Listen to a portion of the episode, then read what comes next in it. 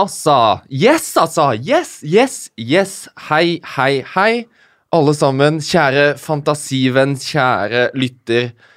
Velkommen til en ny episode av TV2 Fantasy. Det er godt å være tilbake igjen på langbordet. Velkommen til bords, Mina og Simen. Takk. Takk, takk. Hvordan har dere det? Bra. Jeg merker at jeg er fortsatt litt i Nations League-bobla. Ja? Ikke, Nations League-bobla? Jo, men, det, jo, men sånn, Fortell. Ja, men jeg har jobba mye med Nations League i høst, og det har vært veldig veldig gøy. Og fikk jo æren av sammen med Endre Olav og Kasper Vikstad ha liksom avslutninga nå på tirsdag med aller siste runde. Mm. Uh, og det har jeg kosa meg veldig med, så jeg er fortsatt litt inne i, i den bobla der. Du liker Eh, Nations League. Elsker det. Jeg elsker jo nivå D. Der Ja. alle de dårlige spiller. Og endelig vinner. Det er sånn, eh, For meg som elsker underdogs, så er det jo bare underdogs i alle kamper. Så, så jeg er litt den bobla, men har jo brukt, brukte jo litt tid på å scoute eh, Nations League òg, da. Sånn som Kajal, som jeg tok Mhm. inn på, på wildcardet. Det gjorde du også, Ole Martin. Mm. Skåra mot Skottland. Ja, så frisk ut i den matchen der. ja, ja. Så Jeg vurderte å se Skottland-Israel i opptak. Ikke på la dere lure av spillere som skårer i, i Nations League og på landskap. Jeg har hatt eh, van Dijk nå lenge. Mm. Skårer ikke i Premier League, bare for landslaget. Bare skårer bare for landslaget! fine mål. Ja, ja, det, For å gjøre det ekstra irriterende for meg. Han går opp på alle dødballer for Liverpool. Er liksom så nære. Han hadde en sjanse mot Arsenal der. Ja, ja. Ikke bare én. Nei, det var helt utrolig. Jeg, jeg har begynt å bli så frustrert av spillere som gjør det bra. Mine spillere som gjør det bra for landslaget. Ja.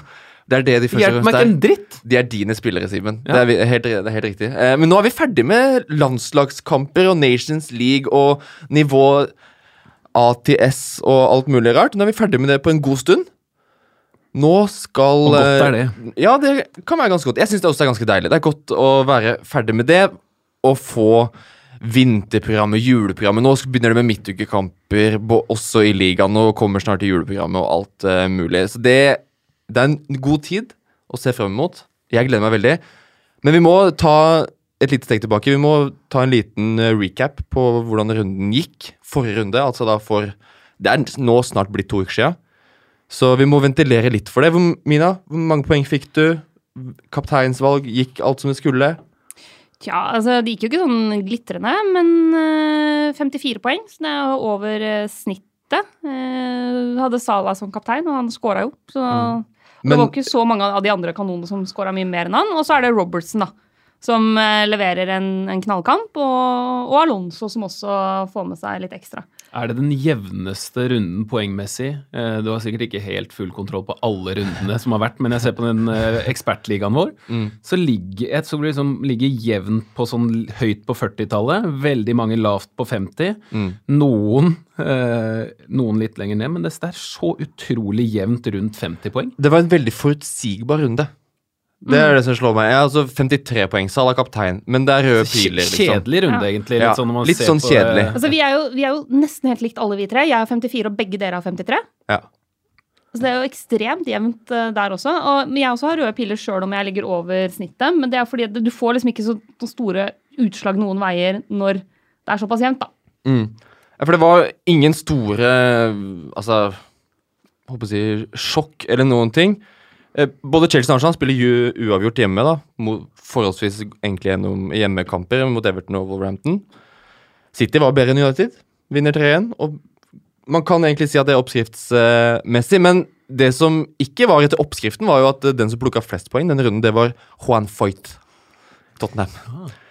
Hvor mange hadde han? Det var, det var ingen som hadde, men det er bare sånn Det kan vi bare la gå forbi i stillhet. Akkurat samme at eh, Solomon Rondon Salomon Rondon Spilte et, altså, de En- beste kampene jeg noen gang har sett ham spille. Det var Ja. fantastisk! Og topper lista på, på skuddstatistikk både på mål og totalt. Et sted må det starte, da.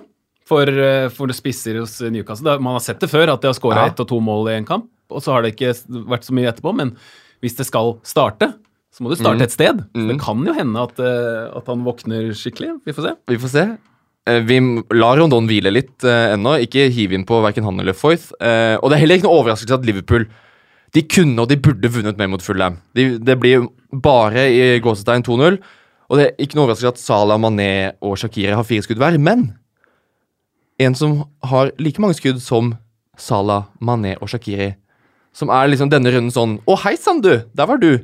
Det er Trent Alexander Arnold. Mm. kommer til like mange skudd som de tre offensive gutta. Skåre på landslaget, ikke på klubblaget. Ikke sant? Får med seg assist som Robertson i den matchen der. Mm.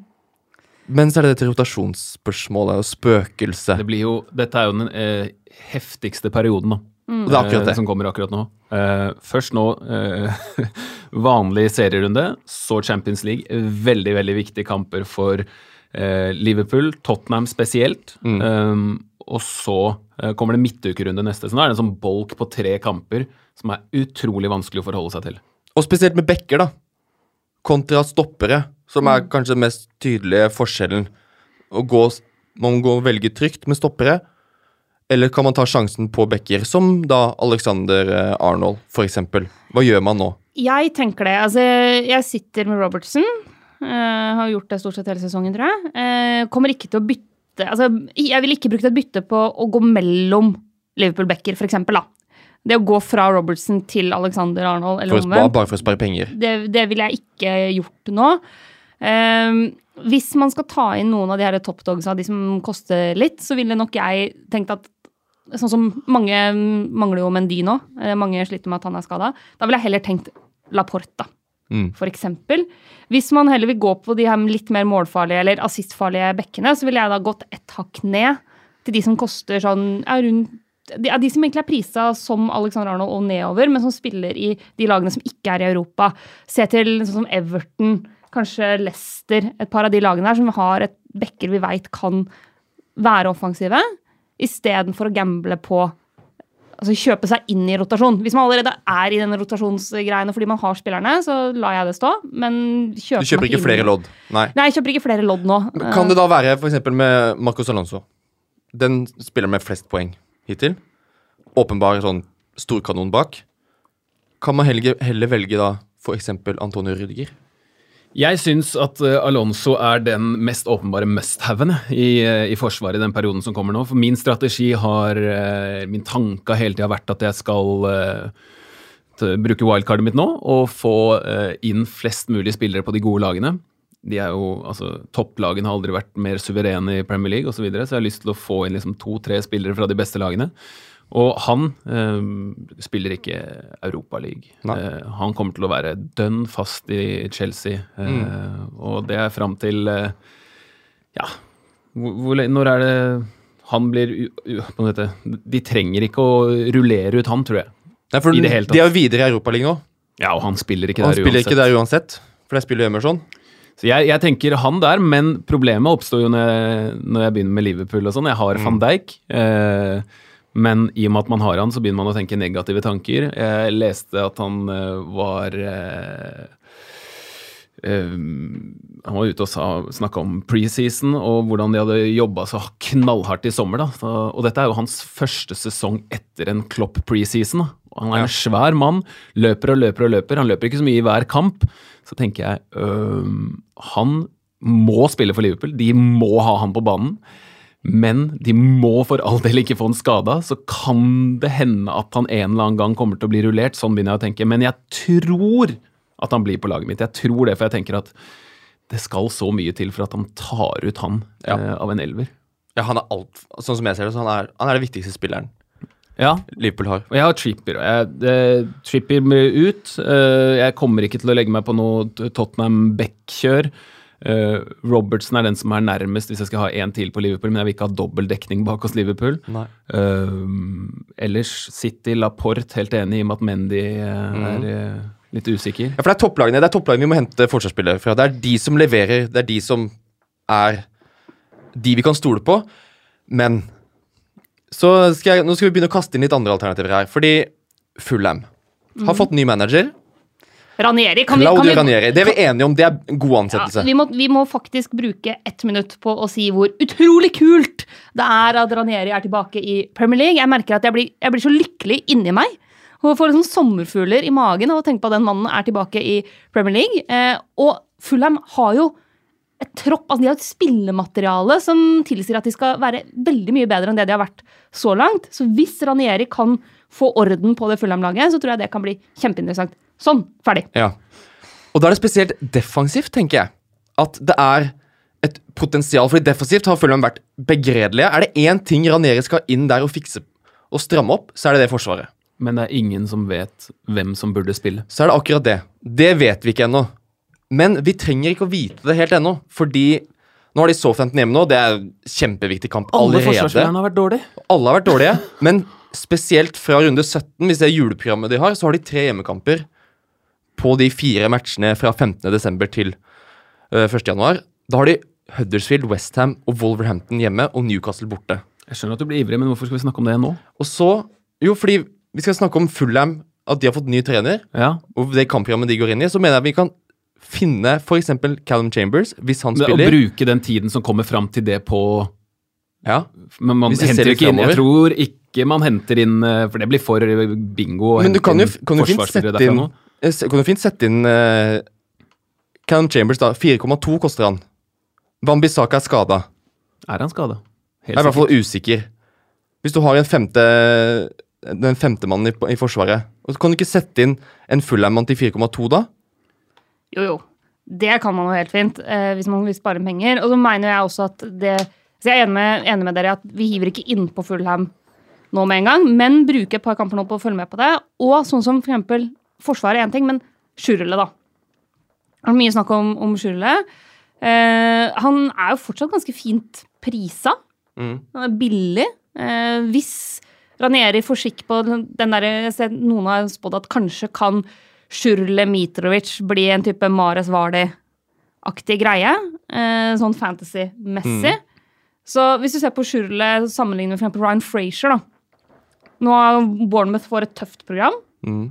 mens Fulham får et fint program etter hvert. Og så kan vi bruke et par kamper nå på å følge med på de.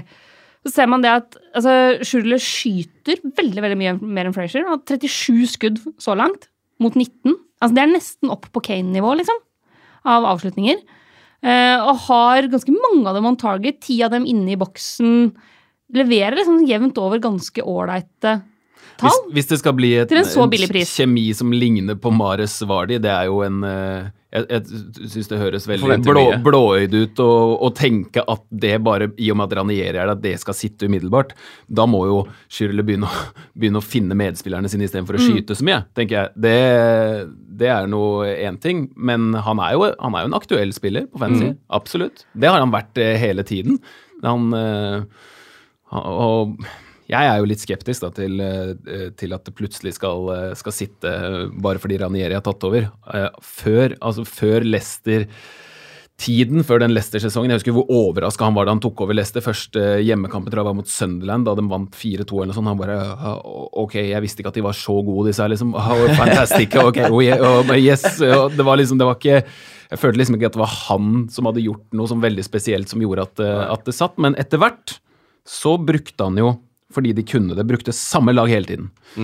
Eh, er det noe Fulham ikke har fått til til nå, så er det å bruke De bruker jo ikke samme lag i det hele tatt. Så han må først og fremst klare å vite hvilke spillere som er best til å spille hans fotball. Så må han finne ut av formasjon. Mm. Eh, Han var jo the Tinkerman uh, i mange år, så uh, slutta han jo med, med det. Og så gikk han litt tilbake til gamle synder mot slutten av Leicester-tida. Da begynte han å finne ut av hvordan skal jeg løse dette her, det funker ikke, det sitter ikke.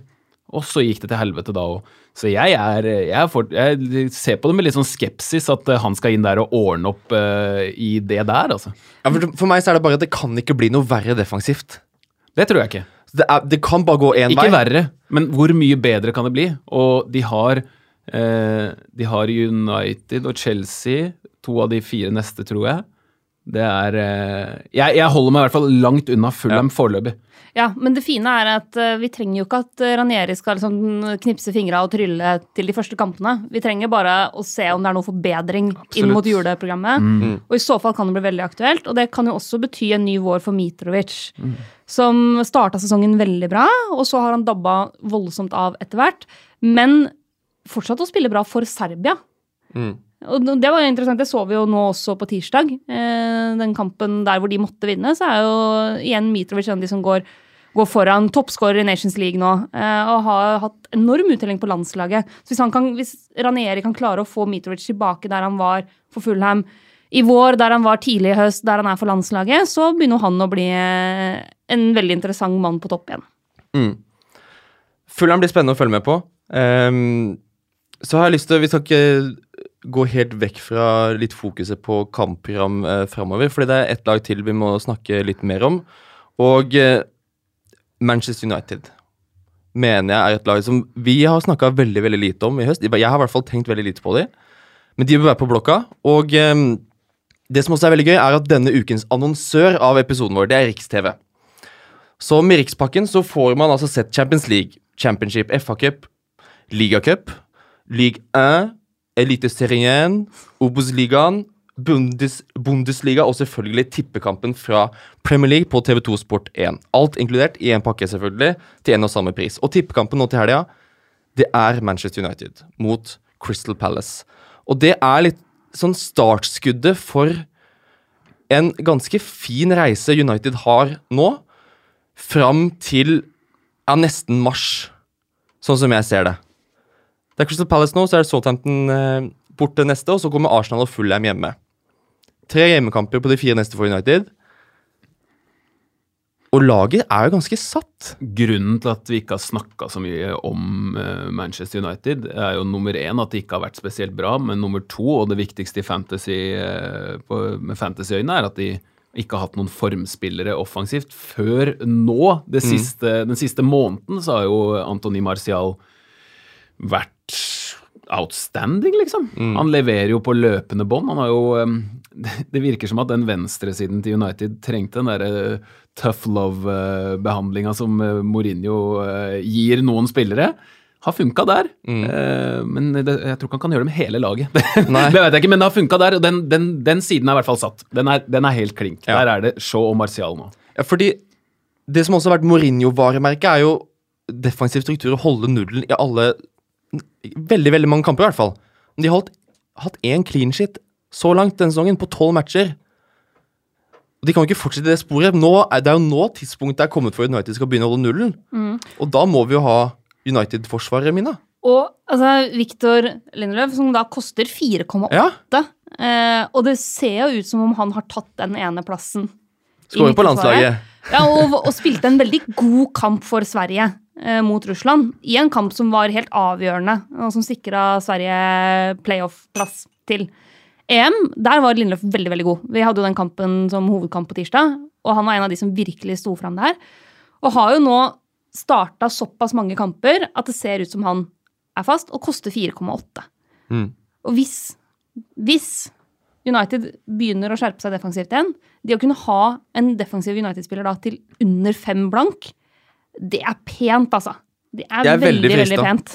Det har har vært bra, og god mot, eh, mot uh, litt uh, middels motstand. Jeg tror han kommer til å få slite den Arsenal-kampen, f.eks., når det går litt fortere rundt han. Han sleit jo veldig med, med Aguero, og sånn, det gjør alle. Men du ser han eh, når det går litt fort rundt han, og han, han gambler en del på å bryte foran og har litt sånn samme måte å spille på på mange måter som Lovren har. da, så Setter alt på ett kort, og hvis det ikke går De to sammen, det har vært gøy. Ja, det tror jeg. Ja. Men, men sånn ser det jo litt for ofte ut med Manchester United, spør du meg, med Chris Malling og, og Lindeløv, som eh, ingen er helt sjef, da. Og så har de Matic foran der som ikke har hatt sin beste sesong, og da blir det plutselig ganske hullete.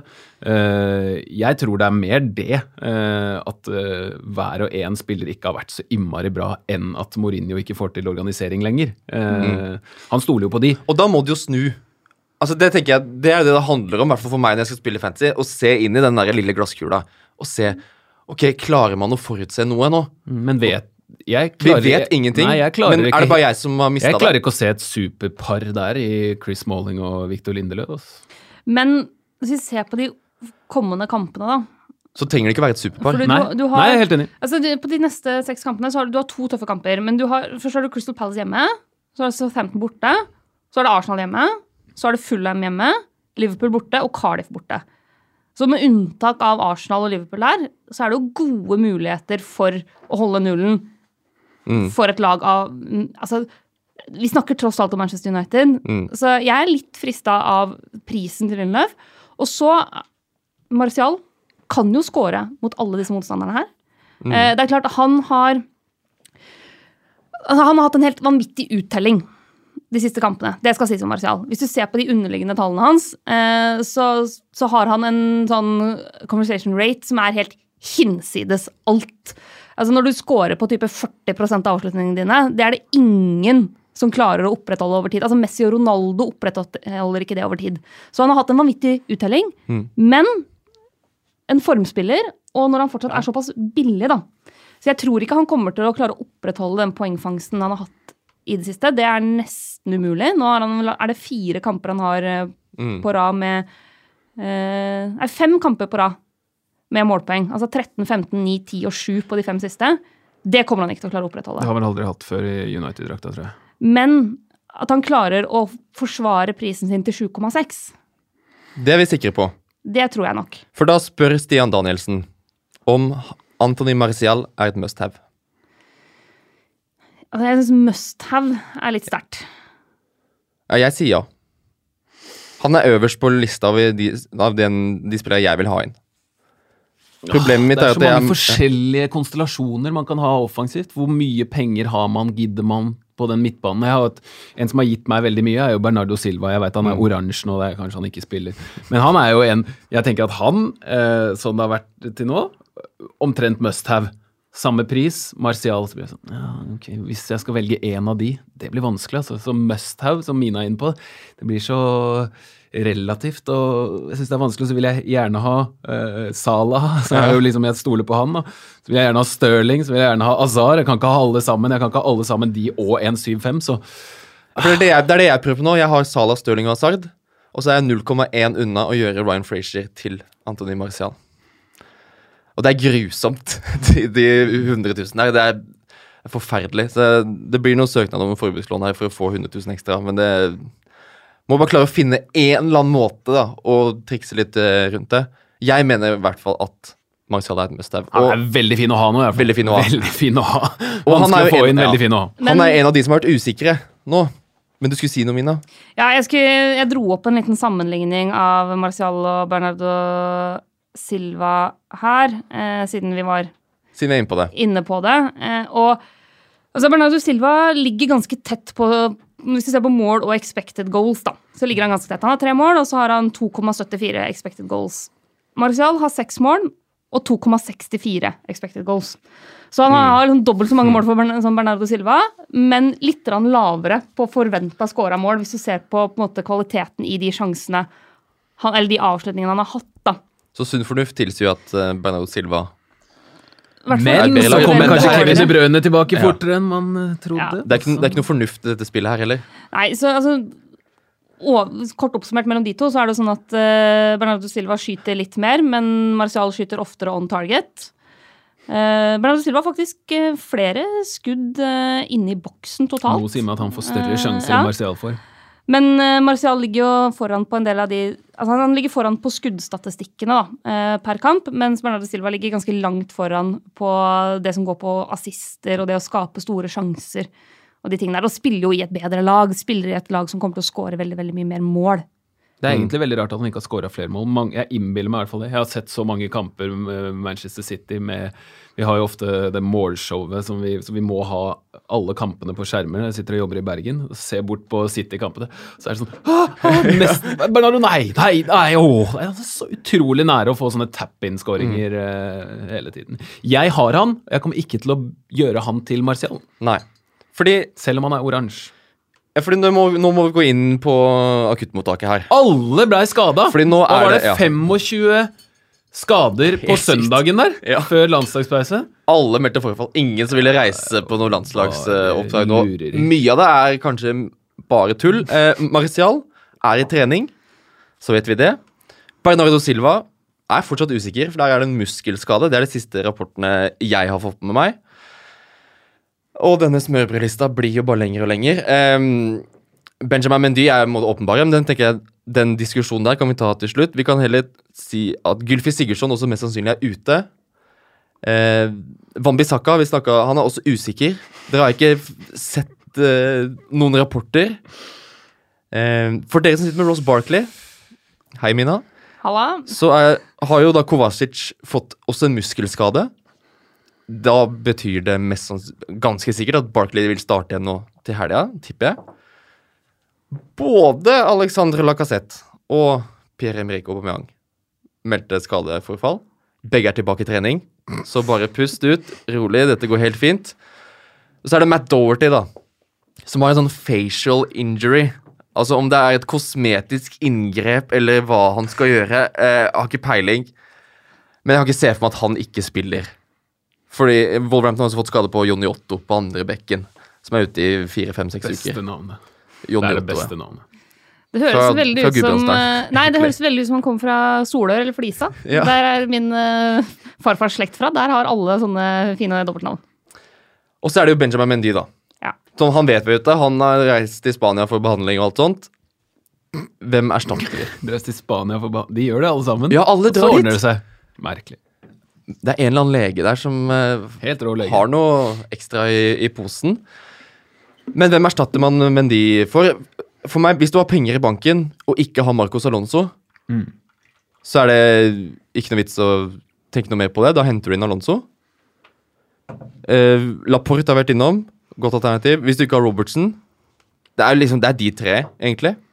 Eller Ja, nå kommer det, ja. Ja, nå kommer det, skjønner du. Fordi uh, hvis man tenker at det hadde vært ålreit med litt mer penger i banken, eh, hvis man f.eks. vil oppgradere litt andre deler av laget, eller hvis man er, ikke orker den rotasjonsgreiene, og som jeg sa i stad, heller ønsker å se til de forsvarsspillerne som er i de måte, nest beste lagene, de som ikke er i nærheten av topp seks, men som likevel spiller ganske bra fotball og skårer en del mål og skaper en del sjanser, så har vi jo et par eksempler der.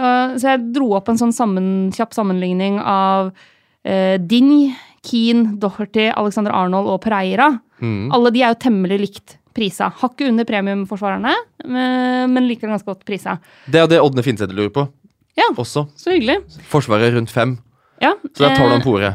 Og da kan vi jo ta et par eh, høydepunkter. da. Jeg ser på eksempel innlegg så langt. Nå er det fra runde sju til runde tolv. Jeg tenker det, er- det er, Da har vi de nyeste tallene, siste seks kampene. Altså, Luka Din slår så vanvittig mye innlegg at det er helt tøysete. Han slår i snitt altså Det er nesten sånn at jeg ikke stoler på de tallene jeg har foran meg her, men jeg må bare stole på dem. Ti innlegg per kamp. Nestemann på lista er Alexander Arnold med 5,8. Mm. Og det er klart, det, det kommer jo noen assister der etter hvert. Det må det jo gjøre. Så er det sånn at uh, Docherty skyter mest av eh, disse forsvarsspillerne. Det er heller ingen stor overraskelse. Men eh, han har ti skudd på de siste seks rundene. Men Keane har åtte. Alexander Arnold har sju. Så Keane også en mulighet. Doherty er liksom som fattigmanns Alonso, Alonso, så er Ja. din uh, fattigmanns eh, Robertson. Yep. Men Everton spiller helt annerledes fotball nå. Det er, helt, det er morsomt å se hvor eh, Sam Allardyce sånn, skjeller ut bekkene hvis de blir med framover. Everton borte mot Chelsea. Går med bekkene fram. Ja. Uh, og når de gjør det borte mot Chelsea, så kommer de til å gjøre det i alle kampene. Omtrent. Kanskje ikke borte mot Manchester City, men uh, det, det er en mann man uh, bør vurdere. Altså din. Og Din har også da, han har elleve attempted assists på de siste seks kampene. Det er like Hva er mange- definisjonen? Altså, det er jo fors er forsøk på assist, da. Eh, Dette er jo Kan det være et innlegg som er, har en retning mot medspiller, og så blir det Jeg tror definisjonen er, er sånn eller type blokkert, eller Dårlig innlegg er ikke Nei, assist. jeg tror, jeg tror definisjonen er noe sånn type eh, Forsøk på assist som burde ha blitt mål. Uh, variant. Altså, eller som hadde ganske gode okay. sjanser til å kunne oh, bli ja, sånn, ja. mål. Det er et innlegg hvor spissen brenner. Altså, Ikke, sjansen, da. ikke Det må jo være det, for ellers er det helt meningsløst å ha noe som heter det. Ja, så det er en måte hvor, hvor det er Hvor det er rimelig ålreite sjanser for at det blir mål. Ikke nødvendigvis sånn at det er supersjanser som blir brent, men at det i hvert fall er en, sånn, en, en rimelig godt forsøk på en assist. da.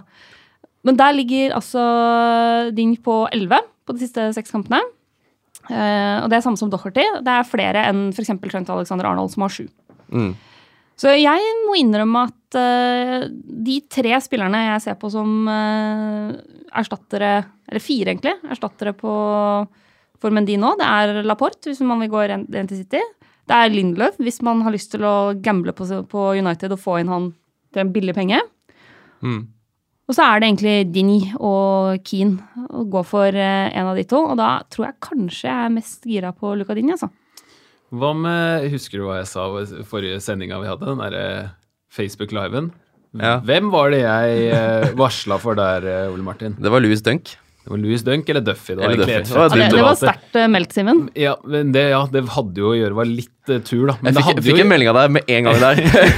men det, det hadde jo å gjøre med at jeg hadde sett på uh, dødballene til Brighton. Og det er bare det er fantastisk å følge med på hvor mye forskjellig de gjør. av Sperretrekk, nye avtaler, uh, korte cornere som slås inn på første touch. De vet så veldig godt hva de skal gjøre da. Og de kommer til å få sjanser nesten i hver eneste kamp på dødballer, og det er de to gutta. De andre, de bare eh, tilrettelegger Ja, for ja, ja. en avslutning fra Duffy eller Dunk. Eller begge to noen ganger, for noen ganger så header Duffy tilbake til Dunk på bakre stolpe. Men de har jo et kjekt program, da. Mm. Brighton. Eh, Leicester, Huddersfield, Crystal Palace og Burnley de neste fire kampene. Liten sånn eh, de, Det kan vurderes. altså så kan man, Det er litt hipp som happ med Dunk er litt sku... Dunk innbiller meg at er litt høyere risiko for at han kan pådra seg noe eh, gule og røde kort. Ja, Han er litt mer løs kanon. Ja. For jeg satt jo med det dilemmaet på wildcardet for to uker siden. Eller fire uker siden er det blitt. Jeg flyr, altså. Og da velger jeg Duffy. Fordi han er den som har hatt flest av de avslutningene sett mest farlig ut. Men Dunk er da 0,2 billigere. Og så tenker jeg, ok, de, de 0,2 opp til eh, Duffy, som da var 4,6, nå er Duffy blitt 4,7. Og Dunk er blitt 4,5. 4,5. Det er verdt det, tenkte jeg. Det var ikke verdt det, det. Det var bare tull, det. For Dunk har jo scora Ja. nå to kamper på rad. Og det er, det er så grusomt når du liksom Du sier det er hipp som happ, men så velger du happ. Mm. Men happ har jo ingenting å komme med. Det er jo hipp som det, er, jo, den du skal er, ha. det der er jo fantasy. Ja. I oppsummert, egentlig. Så um, en av de to. Spennende. Veldig spennende. Jeg kommer nok til å gå for Luka Din eh, sjøl. Eller Lindeløf. Det er, er, altså, det er jo Setter du deg sjøl midt i skuddlinja, du setter inn Victor Lindeløf, men um, det er noe med den prisen som vi er inne på, Mina. Altså, det for eksempel jeg kan gjøre, da Hvis jeg går for Lindeløf, så kan jeg gjøre Mendy til Lindeløf, og så kan jeg gjøre Ross Barkley til Martial. Ja, ikke sant. Det er jo Da, da, da begynner du å snakke at det kanskje er en gamble det er verdt å ta, da. Ja, det syns jeg. Det synes, jeg, hadde, jeg hadde gjort det. Jeg hadde gjort det. Simen uh, Har du Alonso? grubler. Jeg har Alonso, jeg har Robertson. Ja, ok, greit.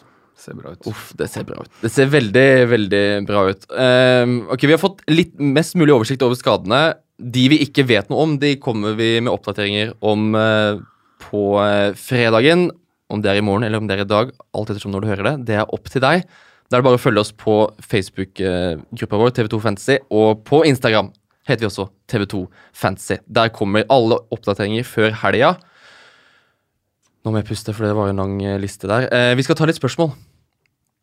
Eh, Duffy og Dunk har vært innom eh, Simen. Men eh, du har jo også vært inne på wildcard-praten. ja. Stian Rust trenger tips til wildcard. Eh, han starter med å si Med å spørre Må, med store bokstaver, må man ha Stirling eller Sala? Eller kan man gamble på å sanke poeng fra andre spillere? Parentes med tanke på at begge er veldig dyre. Parentes slutt. Og hvem ville vi eventuelt valgt?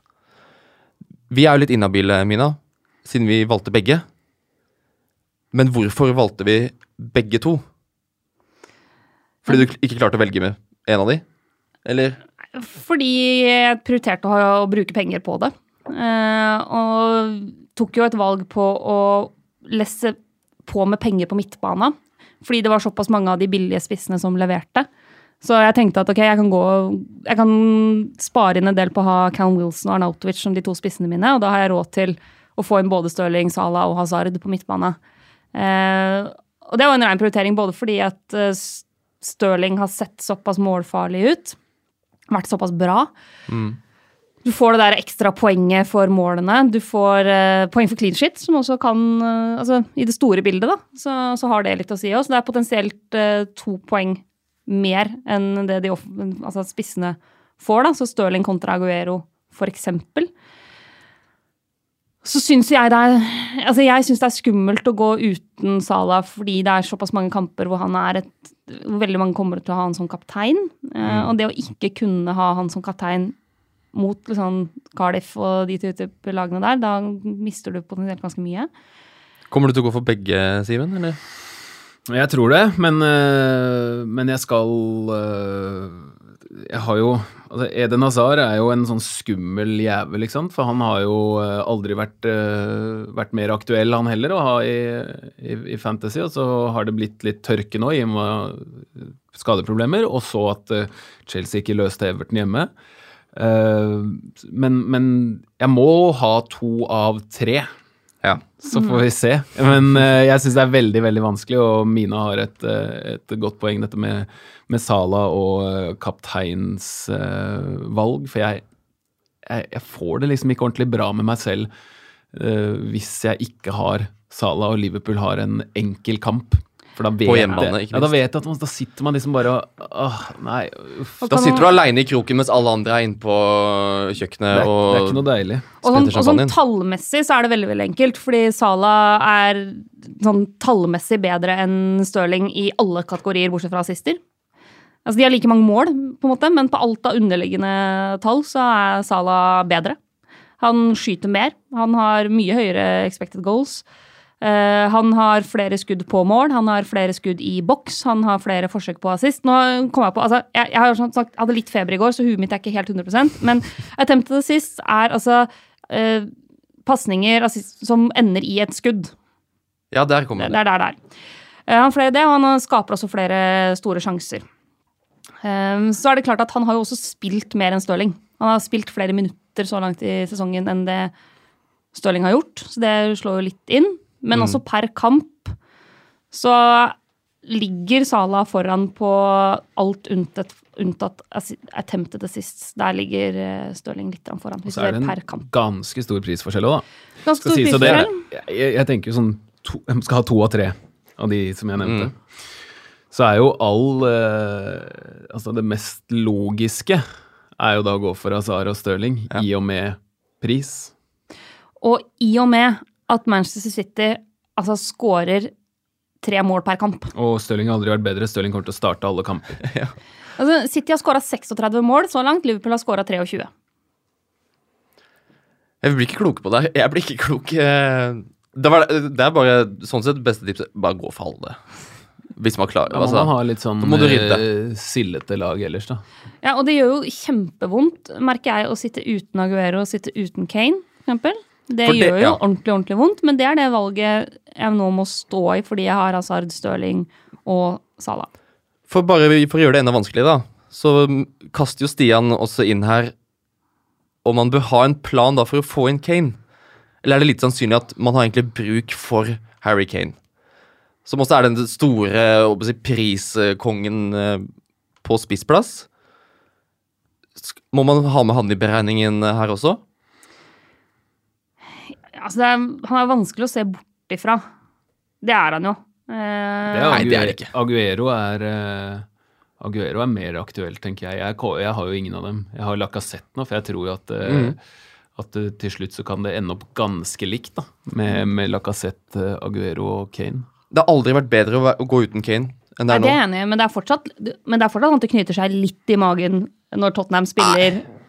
I Den kjenner jeg på, ass. Jeg syns det, det er verre nesten å se Arsenal og eh, Lacassette Aubameyang og den floken som de skaper hver eneste gang. Eh, Aguero, ikke minst.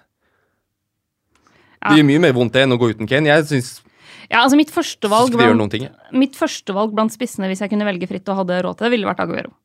Mm. Og deretter så er det nok eh, Lacassette slash Aubameyang, og så Kane som nummer tre. Mm. Det tror jeg er min sånn, interne rangering i mitt eget hode. Høres fornuftig ut. Men vi skal um, skal ta et spørsmål fra Martin Olsnes. Som uh, Han har da Spørsmålet hans har blitt til eh, denne si, duellen i denne episoden her. Uh, vi, har, vi er inne på de samme Altså. Det er Harry Kane og Mohammed Salah. Mm. De to litt opp mot hverandre. Vanligvis så pleier vi å sette opp to spillere i samme posisjon mot hverandre, men nå kjører vi Kane versus Salah, og da spesielt inn mot juleprogrammet. Eh, jeg vet at du har noen tall, eh, Mina, har du ikke det? Altså, jeg har alltid noen tall. Eh, det har jeg jo. De har jo skåra like mange mål så langt. Begge har skåra færre mål enn det forventa. Altså expected goals skulle tilsi. Men Salah ligger jo høyere enn Kane der. Eh, Salah har flere avslutninger. Eh, de har like mange on target. Eh, de er nesten likt på skudd i boks. Altså, Kane har 32 så langt, Salah har 33.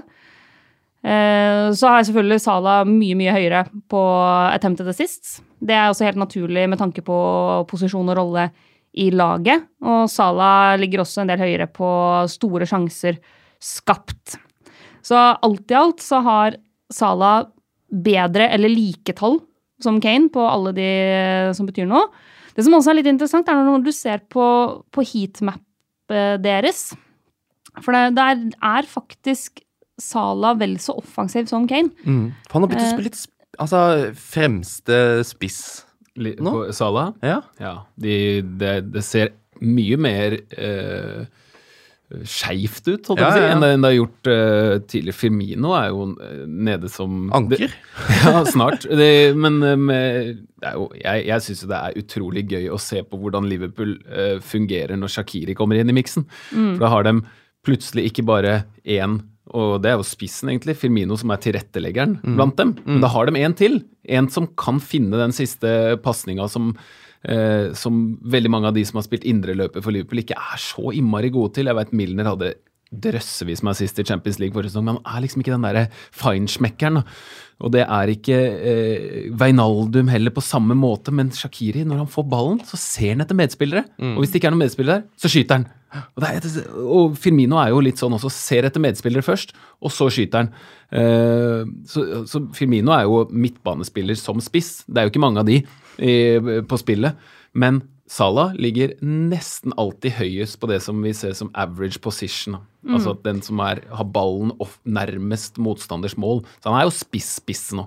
Og han ligger, altså hans average position er faktisk bitte litt lenger fram i bana enn Kane sin. Eh, altså litt mer ut på, mot kanten, selvfølgelig, eh, men ikke mye. Og bitte litt lenger fram enn Kane. Og Det overrasker meg litt å se altså Vi har jo sett det i kamp også, men det å få det bekrefta når du ser på de heatmapsene, hvor, hvor defensivt altså Han ligger jo ikke defensivt, Kane, men på en måte hvor tilbaketrukket han faktisk er, da. Så, så jeg tenker at altså, Jeg har jo tatt det valget, og for meg så er det Salah over Kane, sånn ting er nå. Mm. Eh, så altså, er den ganske enkel, egentlig. Ja, jeg er også helt enig i det. Det eneste som kan vippe det i Kanes favør, er den Vi får en sånn midtukerunde om halvannen uke, som er da runde 15. Da har Tottenham eh, hjemmekamp mot Southampton. Eh, og Liverpool skal spille mot Burnley borte. Og da kan man på tenke Da er det vondt å kanskje sitte uten Kane. I hvert fall med tanke på hva han gjorde på Wembley mot Southampton forrige sesong, med hat trick. Så Men eh, Noen sånne uker blir det jo. noen sånne uker blir det alltid. alltid. Definitivt. Man kan ikke, kan ikke alltid få det som man vil i dette jævla spillet her. Det går aldri. Eh, vi skal også ta med en liten sånn, eh, sette opp en liten liste her. Stein Arild Dekrum spør hvordan vi ville rangere Felipe Andersson, Martial og Richarlison fra nå og gjennom juleprogrammet. Men da De tre. Sett opp en pall. Hvem er øverst? Jeg vil si uh, spontant Marcial Richarlison, Felipe Andersson. Ja, jeg tror jeg er ganske enig i det, egentlig. altså. Um, Kjedelig nok så er jeg enig i det òg. Men det er, ikke, det er, det er veldig jevnt om den førsteplassen. Altså, Richarlison spiller spiss, altså. Han, mm. og han eh, Skåra igjen for Brasil nå, gjorde han ikke det? Herje for Brasil. Han har jo enorme tall på de få, men eh, drit nå i landskapet.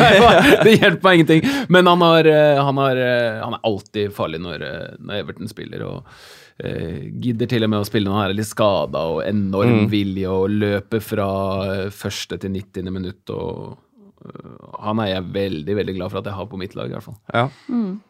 ja det, er, det, er, det er, har ganske mye å si, det, altså. At han ligger som spiss i Richarlison. Uh, er også en sånn hjemmebanespiller. Det er ve- altså, alle, nesten, som er på en måte interessante, som plukker mye poeng, syns jeg er sånn, de leverer alltid på hjemmebane. Uh, og nå igjen, Everton har De har Liverpool borte nå neste helg igjen. Men innimellom der så har de Cardiff, Newcastle og Watford hjemme på de fire neste. Og så har de ganske ok program eh, rundt nyttår også. Så han er også billigere enn Martial. Eh, så jeg vil tro at det er mye lettere å få inn Richarlison i laget. Eh, ja, ja.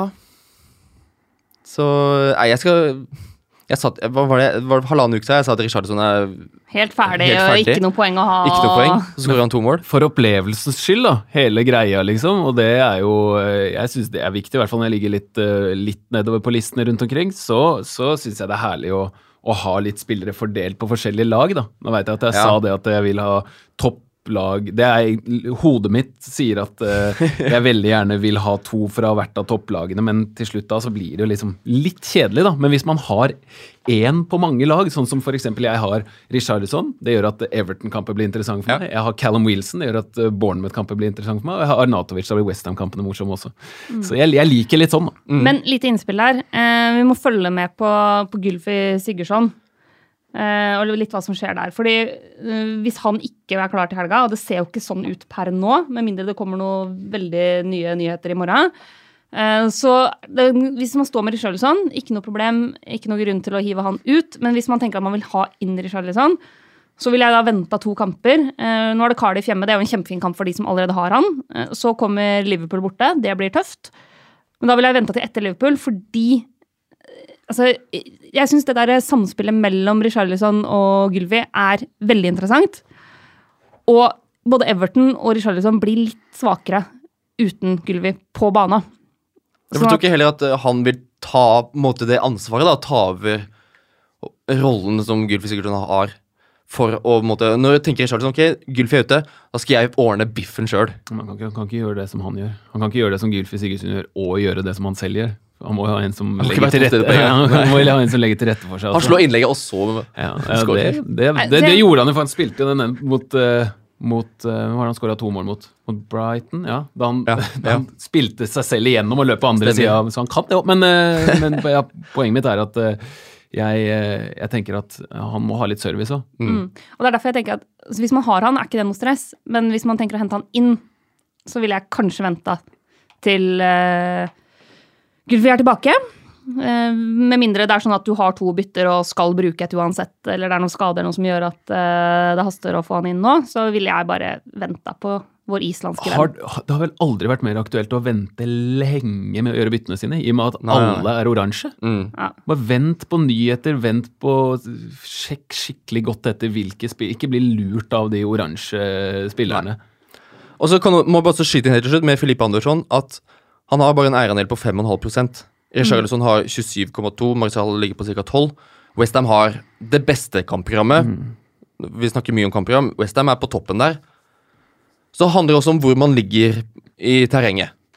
Skal du hente inn poeng, må du ta litt uh, sjanser. Filippe Andersson er en uh, fin liten joker man kan uh, hive inn da. Blitt mye bedre de siste kampene etter at han fikk seg en liten overhaling. Mm. Hø- Hørtes det ut som. Eh, rapportene sa i hvert fall at han måtte trene litt på egen hånd. Pellegrini var, eh, var ikke imponert over jobben han gjorde. Men nå, eh, nå er jo både han og Arnatovic liksom on fire, og da tar du litt vekk fra skuldrene til Arnatovic også, så Han er on fire, men det blir bare en tredjeplass mot Marcial og Richarlison. ja, de er jo også on fire. Det er on fire, hele gjengen. Eh, men Filippe Andersson er jo en joker i så måte. Det er også en annen joker som vi må kaste opp her. Eh, det er kanskje litt far-fetch, men eh, Leroy Sané. Mm. Nå fikk han sine to første landslagsmål eh, for Tyskland. nå. Det, hva de gjør for landslaget, har, har ingenting å si for hva de gjør for klubblaget. Men han har ofte en veldig tydelig rolle i det Manchester City-laget når Mendy ikke spiller. Fordi han er den breddeholderen. Kan det nå skje at Sané er den som kommer til å starte ja, nesten alle matchene? Hvordan setter man opp laget da, liksom?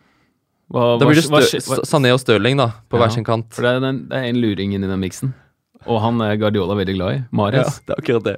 Så det er veldig Altså, jeg eh, Jeg har ingen forutsetninger for å si det ene eller andre. Jeg det stemmer jo det at han har eh, Guardiola har sagt at hvis Mendy ikke spiller, Mm. så bør man ha på Sané. Men da får han et problem andre steder. Så la oss, la oss sa- vente og se. Ja, og dette sa han vel også før på en måte Mares var eh, inne i miksen Eller husker jeg feil nå? For det Pep, eh, Da han snakka om Sané og Mendy og breddeholdet Ja. og sånn, det var vel før Mares var i klubben og Ja, hadde en ja, ja, det er forrige sesong, ja. Mm. Så, Men de var ja. ute så å si hele. Så det også er jo et element inn i miksen. Uh, her. Så jeg, altså syns Sané er spennende. Uh, nå kan det jo virke som om han har fått litt skikk på huet sitt, for det går ganske sterke rykter om at det har vært noe av grunnen til at han både har vært ute av laget i City og ute av laget til Tyskland, har jo handla om holdninger. Uh, og at han måtte litt ned på jorda igjen. Så nei, jeg tenker at han har eh, langt bedre sjanser til å starte mange kamper med, med de ute, men at det fortsatt ikke er noen garanti. Men det er klart, 9,2 er såpass mye billigere enn Stirling. Men samtidig, hvis du først skal gå for henne litt billigere Hallo, David Silva, eller? Mm. Altså, da tenker er jeg at jeg Altså, for en mann. For en spiller. Men da tenker jeg kanskje at jeg heller ville gått eh, enda lenger ned i pris. Altså, David Silva koster bare 8,6. Og Mm. starter jo stort sett alle kampene. Og nå har han fått opp målformen litt også. For Før sesongen så var det litt sånn prat om at David Silva måtte regne med å ikke spille så mange kamper denne sesongen. Bernardo Silva har tatt steg, og det var flere inn i miksen der. Men alt blir kasta rundt på. Det er, det er bare løgn. Men det er jo, mye av det handler jo om at når Kevin De Bruyne har vært skada stort sett hele veien i høst, så er det plutselig en plass ekstra på den midtbanen der. Så jeg syns at altså Leroy Sané, eh, fint alternativ, men jeg ville følt meg faktisk tryggere på David Silva. Mm. Han er den beste i ligaen i sin posisjon. Da. Og jeg tror han kommer til å spille så lenge han er eh, pigg og har bein til det. Ja.